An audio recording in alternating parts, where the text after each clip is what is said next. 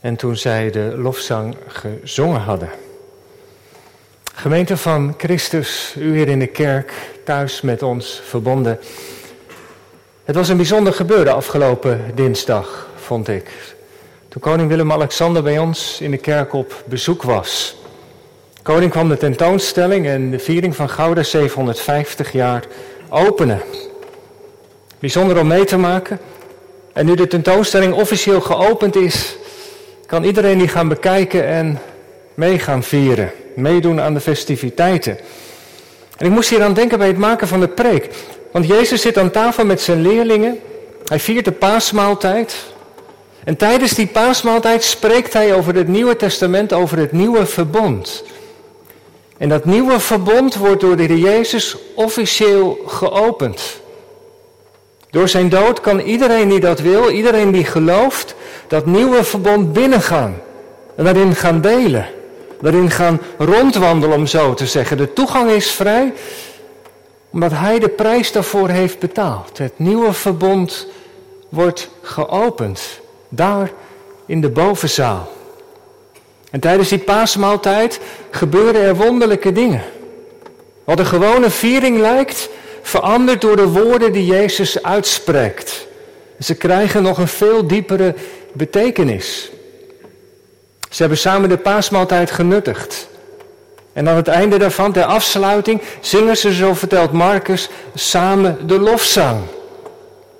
Eigenlijk best opmerkelijk als je daar wat bij stilstaat. Dat Jezus aan het einde van de maaltijd met zijn leerlingen de lofzang op God gewoon heeft meegezongen. Hij had om zo te zeggen natuurlijk wel andere dingen aan zijn hoofd. Alles om hen heen ging naar het einde toe. De overpriesters en de oudsten van het volk maakten plannen om hem te doden.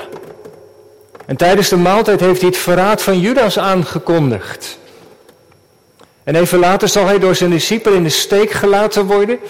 Wordt hij door Petrus verlogend, waarover we gisteren hoorden.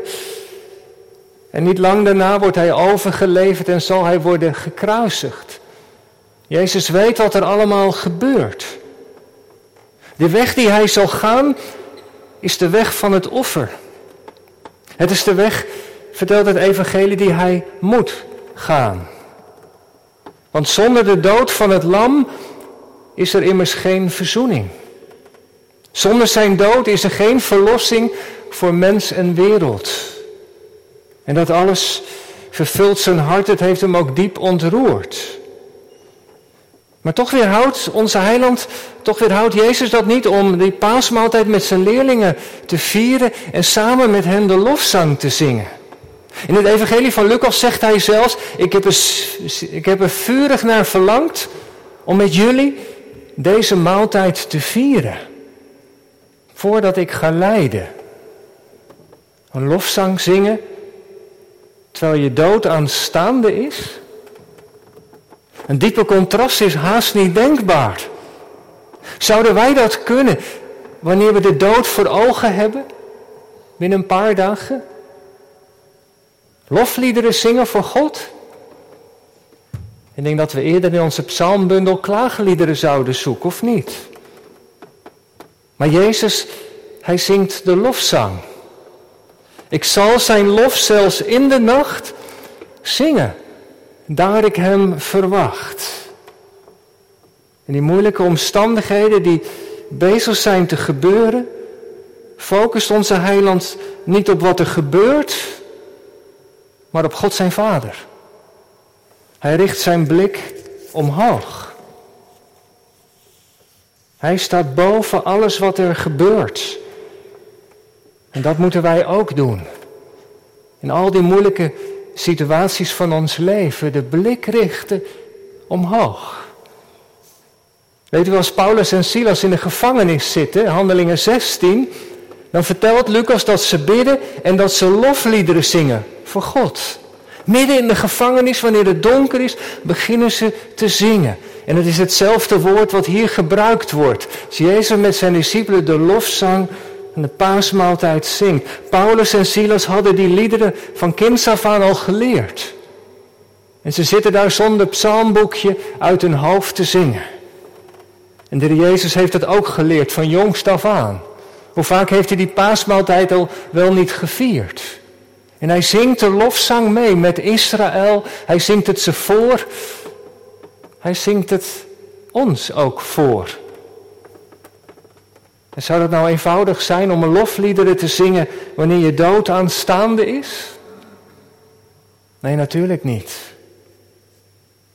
Jezus zingt de lofzang die hem is aangereikt door de liturgie van de paasmaaltijd. De liederen die tijdens de paasmaaltijd gezongen zijn, het Halleel, zijn de psalmen 113 tot en met 118, die we ook vanavond met elkaar zingen.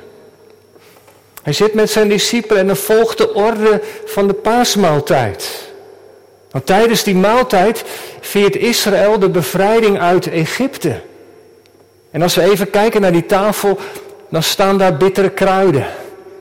Die verwijzen naar het lijden en de onderdrukking in Egypte.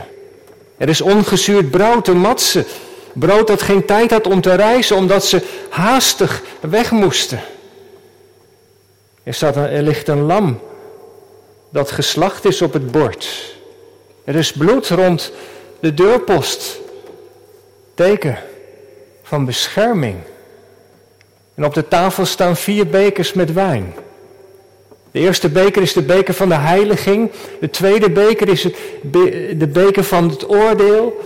De derde beker is de beker van de verlossing. En de vierde beker, de beker die Jezus waarschijnlijk niet meer zal drinken, de beker van de dankzegging. En tussendoor, op twee momenten, wordt het Halleel gezongen. Psalm 113 tot 18, alles heeft een diepe symboliek. Israël heeft namelijk haar bestaan aan die bevrijding van God te danken. En dat vieren ze, dat gedenken ze, dat brengen ze zichzelf elke keer weer te binnen. Wij hebben ons bestaan aan de ontferming van God te danken. De orde ligt vast. De maaltijd begint met een zegenspreuk en een zegen over de eerste beker. Dan worden de voorspijzen genuttigd. En dan wordt het eerste deel van het Halleel gezongen. Psalm 113 tot en met 115. En dan wordt er uit de tweede beker gedronken. En dan vindt de hoofdmaaltijd plaats. Wordt de zegen over de derde beker uitgesproken. En dan, na de hoofdmaaltijd, wordt het tweede deel van het Halleel gezongen. Eerst de 113 tot 115 en dan 116 tot en met 118. En met de dankzegging over de vierde beker sluit dan de maaltijd af. En Jezus zit daar en hij zingt de liederen van de paasliturgie mee. Hij wordt, we zouden kunnen zeggen, erdoor gedragen, gesteund. Door die liederen die Israël eeuwenlang heeft gezongen. Hij voegt zijn stem in dat koor. Misschien moeten we wel zeggen dat deze gewoonte hem op dat moment draagt de woorden niet te bedenken, maar hij krijgt ze aangereikt. En ik dacht, dat lijkt me belangrijk. Het kan ons zomaar overkomen. Hè? Je, je zit misschien wel in de put. Spelen van alle, speelt van alles in je leven en je komt dan zomaar een keer in de kerk weer. En er wordt een lied gezongen, misschien wel een loflied. Je zou het zelf natuurlijk nooit hebben uitgekozen, want je stemming is er niet naar. Maar toch, je wordt erdoor geraakt. De woorden troosten je. Kijk, de liturgie die wij hebben op zondag en ook vanavond is natuurlijk geen wet van mede en persen. Dingen kunnen natuurlijk allemaal ook wel anders. Maar de gang van lofprijzing naar verootmoediging van de wet, de verkondiging van het woord, de gebeden, de dankzegging in het geven van de gave omlijst door psalmen, lofzang en geestelijke liederen, die helpen ons wel. We krijgen iets aangereikt wat we zelf niet hebben bedacht. God werkt er doorheen. Meer dan we vaak vermoeden. We horen en zingen. Niet over onze omstandigheden. Daar heeft God wel weet van. Maar we horen over Hem. Over het heil van Christus, over de heilsfeiten. We horen over de goedheid en de genade van God. En daar knappen we van op. En hoe je het ook wendt of keert, Er kan zomaar een glans van vreugde van de hemel over je leven vallen. Je begrijpt het niet met je verstand, maar het overkomt je. En als dat gebeurt, ja, waarom zouden we elke eredienst ook niet met een loflied eindigen? Jezus zingt de lofzang. Aan het einde van de paasmaaltijd zingt hij de lof van God. En waarom doet hij dat eigenlijk? Nou, Jezus zingt de lof van God vanwege het nieuwe verbond. Dat verbond, dat Nieuwe Testament, beter vertaald, dat nieuwe verbond waar hij over spreekt tijdens die maaltijd, dat was al door de profeten aangekondigd. Alle beloftes van het Oude Testament komen daarin samen. Door de dood van Jezus wordt dat nieuwe verbond open, geopend, beschikbaar.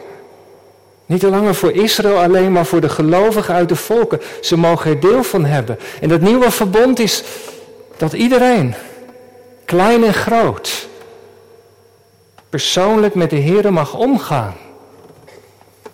Zoals de profeten hebben gezegd, dat Gods geest in onze harten komt wonen. Zodat we Hem op een intieme wijze mogen kennen. Dat nieuwe verbond, dat is een verbond van een nieuwe intimiteit met God, die door het offer van Jezus beschikbaar is gekomen, geopend is. En dat maakt Jezus tijdens die maaltijd duidelijk. Hij maakt het zichtbaar. Hij pakt dat ongezuurde brood, die matse, hij breekt het. Dit is mijn lichaam voor jou. Hij overhandigt ze aan elk van zijn discipelen. En dieper kan hij het eigenlijk niet zeggen. Die matse die wordt gebroken. Dat zal met hem gebeuren. Ze ontvangen het. En ze eten het. Het komt van binnen. Dit is voor jullie. Het komt hen te goede. En dan pakt hij de beker. Ik denk dat het de derde beker is, de beker van de verlossing. De beker He, zo hoorden we maandag, die vol zit met de zonde van onze mensen, de gifbeker. Die Jezus heeft leeggedronken. Helemaal. En zo doet hij verzoening. En in die weg, omdat hij die heeft leeggedronken, is er zegen. Mogen zijn discipelen uit deze beker drinken, maar dat is niet meer de beker van het oordeel, maar de beker van de verlossing geworden omdat het bloed van de Heer Jezus heeft vervloeid, mogen ze die beker drinken. En die vergeving ook ontvangen. Hij de vloek, ik de zegen. Hij mijn zonde, ik zijn vergeving.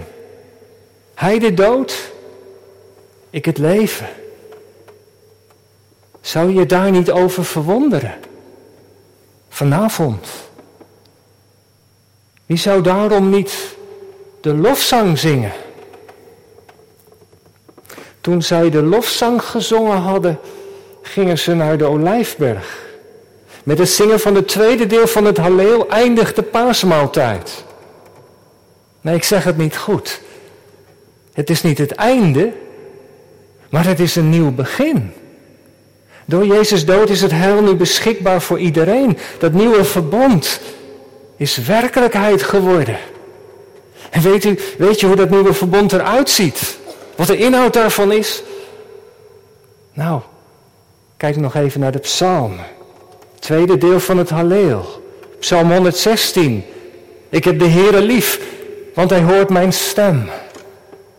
Dat is de vertrouwelijke omgang die, die nu mogelijk is. Psalm 117. Loof de Heere alle volken. De omgang met God is er nu voor iedereen. Mannen, vrouwen, jonge meisjes, voor iedereen beschikbaar geworden.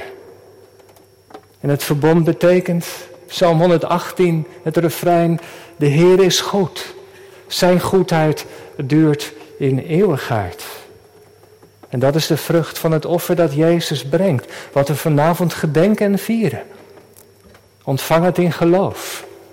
En laten we samen de Heer Jezus hiervoor prijzen. En over zijn heil de lofzang zingen. Amen.